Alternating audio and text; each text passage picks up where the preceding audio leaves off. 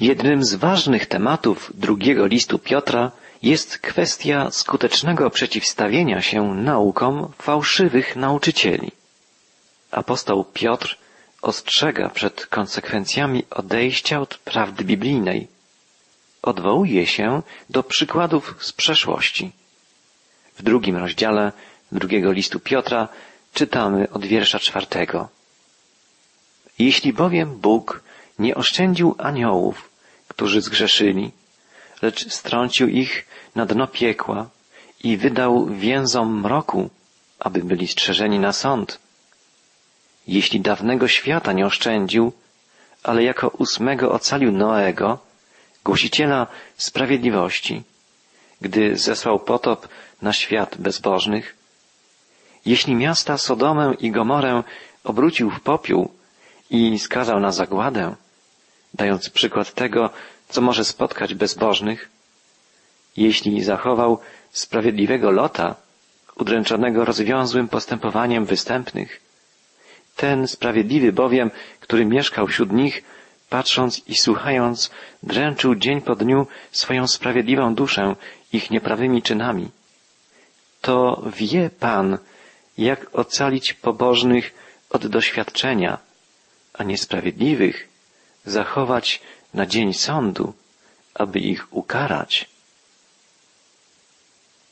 Apostoł Piotr przytacza trzy powszechnie znane przykłady grzechu i skutki upadku w grzech. W dwóch przypadkach grzech został usunięty, sprawiedliwość natomiast została zachowana, uratowana. Dzięki działaniu Bożego miłosierdzia, dzięki Bożej łasce. Stało się tak w przypadku Noego i w przypadku Lota. Piotr pisze o upadku aniołów, o upadku ludzi przed potopem, a także o zniszczeniu Sodomy i Gomory i ocaleniu Lota. Najpierw jednak, zanim przyjrzymy się tym przykładom, zwróćmy uwagę na dwa słowa występujące w naszym tekście. Piotr pisze, iż Bóg grzesznych aniołów strącił na samo dno piekła. W języku greckim, oryginale listu, znajduje się tu słowo tartarus. Jest to pojęcie greckie, a nie żydowskie. W greckiej mitologii tartarus to najgłębsza część piekła. Dzisiaj nazywamy w mitologii greckiej tę część piekła Tartarem. A Tartar, zgodnie z wierzeniami Greków, stanowił najniższą część Hadesu. Część Hadesu, której przestępcy odbywali po śmierci najstroższe kary. Drugie słowo zostało przetłumaczone w naszym przekładzie jako lochy ciemności. Natomiast w oryginale greckim znajduje się tu słowo siros. Oznacza ono zasadniczo wielki pojemnik wykonany z ziemi i przeznaczony do przechowywania ziarna. Później słowo to zaczęło oznaczać wielkie podziemne lochy, które służyły za spichlerze. Słowo siros przeszło do naszego języka w postaci słowa silos i oznacza elewator do przechowywania zboża. Jeżeli Piotr użył właśnie tego słowa, a za tym przemawiają najlepsze manuskrypty, to chodzi tu o to, że przewrotni aniołowie zostali wrzuceni do wielkich podziemnych pieczar i tam w ciemnościach są trzymani na dzień sądu. Nieposłuszeństwo aniołów zostało więc ukarane zdecydowanie i surowo. Historia upadku aniołów jest głęboko zakorzeniona w myśli żydowskiej. Z biegiem czasu przechodziła ona pewien proces rozwojowy. Zasadniczo wywodzi się ta historia z księgi Genezis, z szóstego rozdziału pierwszej księgi mojżeszowej. Aniołowie nazwani są tam synami bożymi. Tak zwykle określa się ich w Starym Testamencie. W księdze Hioba synowie Boży zgromadzili się przed Panem, a wśród nich był i szatan. Czytamy tak na początku księgi Hioba. Również psalmista wołał o synach Bożych. Na przykład w psalmie 89 znajdujemy takie określenie. Aniołowie stąpili na ziemię i zwiedli śmiertelne niewiasty.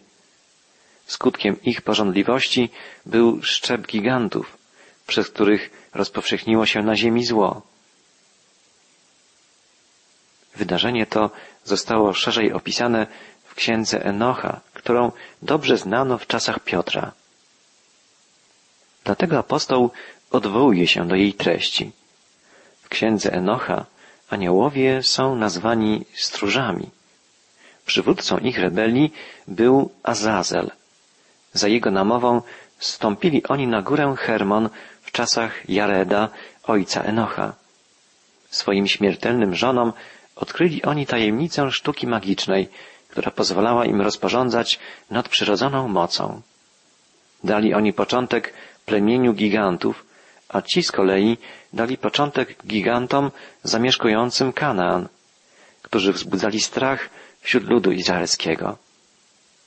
Ci giganci stali się kanibalami i stali się winnymi wszelkiego rodzaju porządliwości i zbrodni, a szczególnie bezczelnej zuchwałości wobec Boga i człowieka. W literaturze apokryficznej spotykamy wiele wzmianek o nich i o ich dumie. Na przykład Księga Mądrości mówi o tym, że tych dumnych gigantów spotkała zguba. Księga Mądrości Syracha mówi o głupocie starożytnych gigantów. Głupocie, która doprowadziła ich do upadku. Nie mieli oni mądrości i zginęli w swojej głupocie. Czytamy też w księdze Barucha. Żydowski historyk Józef Flawiusz pisze o ich wyjątkowej arogancji i pogardzie wobec wszystkiego, co dobre i o ich zaufaniu jedynie własnym siłom. Ludzie byli dotknięci smutkiem i poniżeniem sprowadzonym na ten świat przez olbrzymów zrodzonych z grzechu aniołów. Wtedy Bóg posłał swoich archaniołów. Rafael związał ręce i nogi Azazela, a następnie strącił go do ciemności. Gabriel uśmiercił olbrzymów, a strażnicy, grzeszni aniołowie, zostali zamknięci w przepasnych ciemnościach pod górami na siedemdziesiąt pokoleń, a później skazani na wieczny ogień. Oto opowiadanie zawarte w księgach apokryficznych, opowiadanie, które Piotr miał na uwadze i które było dobrze znane jego czytelnikom. Aniołowie zgrzeszyli, a Bóg, karząc ich, na wieki zamknął ich w lochach ciemności, w głębinach piekła. Jest to przejmujący obraz zapłaty za grzech, obraz wiecznego odłączenia od Boga. Apostoł Piotr pisze dalej o następstwach upadku aniołów. Czytamy, wie Pan, jak ocalić pobożnych od doświadczenia, a niesprawiedliwych zachować na dzień sądu, aby ich ukarać. Przede wszystkim zaś tych, którzy ulegają bezwstydnym porządliwościom ciała i okazują pogardę aniołom. Zuchwalcy i zrozumialcy nie boją się, gdy bluźnią przeciwko chwałom, chociaż aniołowie mają większą siłę i moc, nie wnoszą przeciwko nim przed Panem bluźnierczego oskarżenia. Czytamy o tych, których życie zostało zdominowane przez porządliwości cielesne, którzy bluźnią nawet mocą niebieskim. W późniejszej żydowskiej i chrześcijańskiej myśli zauważa się dwie linie rozwoju historii upadku aniołów. Synami Bożymi mieli być dobrzy ludzie, potomkowie Seta, a córkami ludzkimi miały być złe niewiasty, córki Kaina, które uwiodły dobrych mężczyzn. Nie ma jednak dowodów biblijnych na dokonywanie takiego rodzaju podziału. Przeważa opinia, iż cała historia jest alegorią, przenośnią. Na przykład Filon stwierdzał, że opowiadania tego nie należy tłumaczyć dosłownie, gdyż mówi ono jedynie o zniewoleniu duszy ludzkiej przez zwodnicze porządliwości cielesne. Również Augustyn powiadał, że nikt nie może brać tego opowiadania dosłownie, aby w ten sposób mówić o aniołach. Z biegiem czasu zaczęto zauważać tkwiące w tym opowiadaniu niebezpieczeństwo. I tu musimy sobie uświadomić, co Piotr miał na uwadze, pisząc o ludziach, którzy bezczeszczą moce niebieskie i poniżają anielskie chwały, wypowiadając przeciwko nim bluźniercze słowa. Ludzie, którym Piotr się sprzeciwia, swoje rażące, niemoralne postępowanie przykrywali płaszczykiem religijności. Najprawdopodobniej ci przewrotni ludzie przytaczali przykład aniołów na usprawiedliwienie własnych grzechów. Mówili oni, jeżeli aniołowie stępowali z nieba i łączyli się ze śmiertelnymi kobietami, to dlaczego my nie możemy tego czynić? Postępowanie aniołów służyło tym ludziom za wymówkę i usprawiedliwienie własnego grzechu. Musimy pójść jeszcze dalej. Czytamy w wierszu jedenastym, który jest dla nas dość niejasny, że aniołowie, będąc większymi w sile i mocy, nie wydają na nich przed Panem wyroku potępienia. Piotr czyni tu aluzję w taki sposób, który był zrozumiały jego bezpośrednim czytelnikom. Nam natomiast wydaje się dosyć niejasny. Prawdopodobnie odnosi się ta wypowiedź Piotra do opowiadania wspomnianego w liście Judy. Czytamy tam o Archaniele Michale, któremu powierzono pogrzebanie ciała Mojżesza. Szatan dowodził, że ciało to należy do niego, ponieważ Mojżesz pewnego razu zamordował Egipcjanina. Archanioł Michał nie wdawał się w spór z szatanem, z upadłym aniołem Jutrzenką, a jedynie powiedział, niech cię Pan potępi. Widzimy, że nawet tak wielki anioł jak Michał nie oskarżał innego anioła, upadłego, tak złego jak szatan. Całą sprawę powierzył Bogu. Jedynie Bóg może dokonać sądu. Jeżeli Michał powstrzymał się od potępienia złego anioła, to jakże ludzie mogą zniesławiać aniołów bożych? To pytanie stawia apostoł Piotr. Sytuacja, jak możemy to sobie dzisiaj wyobrazić, przedstawiała się więc następująco. Przewrotni ludzie, będąc niewolnikami swoich cielesnych porządliwości, uważali się za naśladowców aniołów i w ten sposób bluźnili przeciwko nim. Piotr przypomina im, że nawet archaniołowie nie odważali się poniżać innych aniołów, na co bez skrupułów odważają się ci ludzie. Jest to dosyć niezwykła i trudna wypowiedź apostoła Piotra, ale jej znaczenie jest wyraźne. Nawet aniołowie po swoim upadku w grzech zostali ukarani. O ileż surowiej zostaną ukarani ludzie. Aniołowie nie mogli zbuntować się przeciwko Bogu i uniknąć konsekwencji. A jakże mogą uniknąć jej ludzie? Nikt nie uniknie konsekwencji swego grzechu. Nikt nie uniknie kary za grzech. Apostoł przestrzega przed Bożym Sądem. Przykład upadłych aniołów jest wstrząsającym ostrzeżeniem dla nas, dla wszystkich ludzi.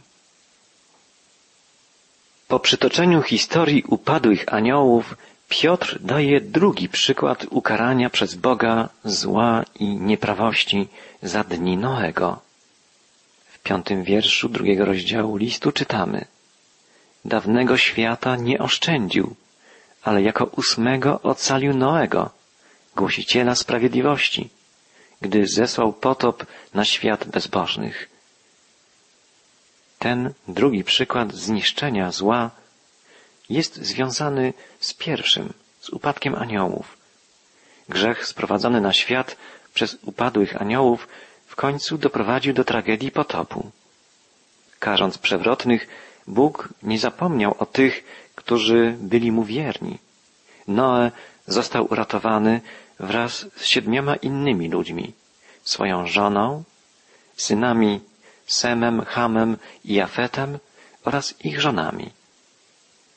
W żydowskiej tradycji Noe zajmuje szczególne miejsce. Nie tylko uważa się go za tego, który został ocalony, ale także za tego, który był wielkim głosicielem prawdy, wielkim kaznodzieją, który uczynił wszystko, by odwrócić ludzi od zła. Żydowski historyk Józef Flawiusz pisze, Wielu aniołów bożych współżyło z niewiastami i płodziło synów, którzy byli nieopanowani i pogardzali wszelkim dobrem, ponieważ polegali tylko na własnej sile. Ich postępowanie sprawiało Noemu ból. Starał się on nakłonić ich do odwrócenia się od swoich wad i do lepszego zachowania. Uwaga w wypowiedzi apostoła Piotra kieruje się przede wszystkim w stronę nie ludzi potępionych, lecz w stronę uratowanego człowieka. Noe jest typem człowieka, który mimo zniszczenia przewrotnych, mimo klęski całej ludzkości, otrzymuje zbawienie Boże. Zostaje uratowany przez Boga. Dlaczego tak się dzieje? Dlatego, iż wyróżnia się dwiema wyjątkowymi cechami. Po pierwsze, wśród bezbożnego pokolenia pozostaje wierny Bogu. Apostoł Paweł pisał w liście do Rzymian, zachęcając wszystkich wierzących, by nie upodabniali się do tego świata, ale by się przemienili przez odnowienie swego umysłu. Najbardziej niebezpiecznym chyba ze wszystkich grzechów jest dostosowywanie się do otoczenia. Łatwo jest być takim jak inni. Trudno jest być innym. Ale od czasów Noego aż do dzisiaj każdy wierzący człowiek musi być przygotowany na to, że będzie inny niż otoczenie. Po drugie, w późniejszych przekazach zostaje uwypuklana następna cecha Noego. Piotr podkreśla, iż był on głosicielem prawdy, iż był kaznodzieją sprawiedliwości. Dosłownie pisze o Noem jako o heroldzie. Kaznodzieje jest człowiekiem, który przynosi ludziom jak herold wieści od Boga. Jest to coś bardzo ważnego. Dobry człowiek troszczy się nie tylko o zbawienie własnej duszy, ale także o zbawienie dusz innych ludzi. Nie odwraca się od ludzi, aby zachować własną czystość. Zależy mu na przekazaniu im Bożej prawdy, wieści o ratunku. Człowiek nigdy nie powinien zatrzymywać dla siebie otrzymanej łaski Bożej. Jego obowiązkiem jest przekazywanie światła tym, którzy tkwią w ciemnościach, wskazywanie drogi błądzącym, ostrzeganie tych, którzy uparcie zbaczają z właściwej drogi. Noe jest dla nas przykładem takiego właśnie człowieka. Nie upodabniał się do otoczenia i wiernie przekazywał Boże poselstwo swoim bliźnim. Trzeci przykład podany przez apostoła Piotra dotyczy zniszczenia Sodomy i Gomory i uratowania Lota.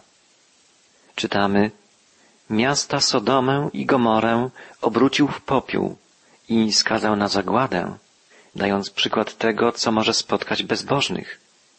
Zachował sprawiedliwego Lota, udręczonego rozwiązłym postępowaniem występnych.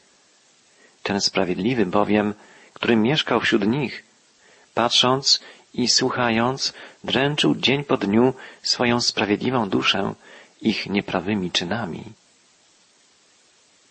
Tę historię znamy z relacji Księgi Genezis. Historia ta rozpoczyna się od modlitwy Abrahama. Abraham modlił się, by Bóg nie niszczył sprawiedliwych wraz z bezbożnymi. Prosił, by Bóg zachował te miasta, o ile będzie tam chociaż dziesięciu sprawiedliwych.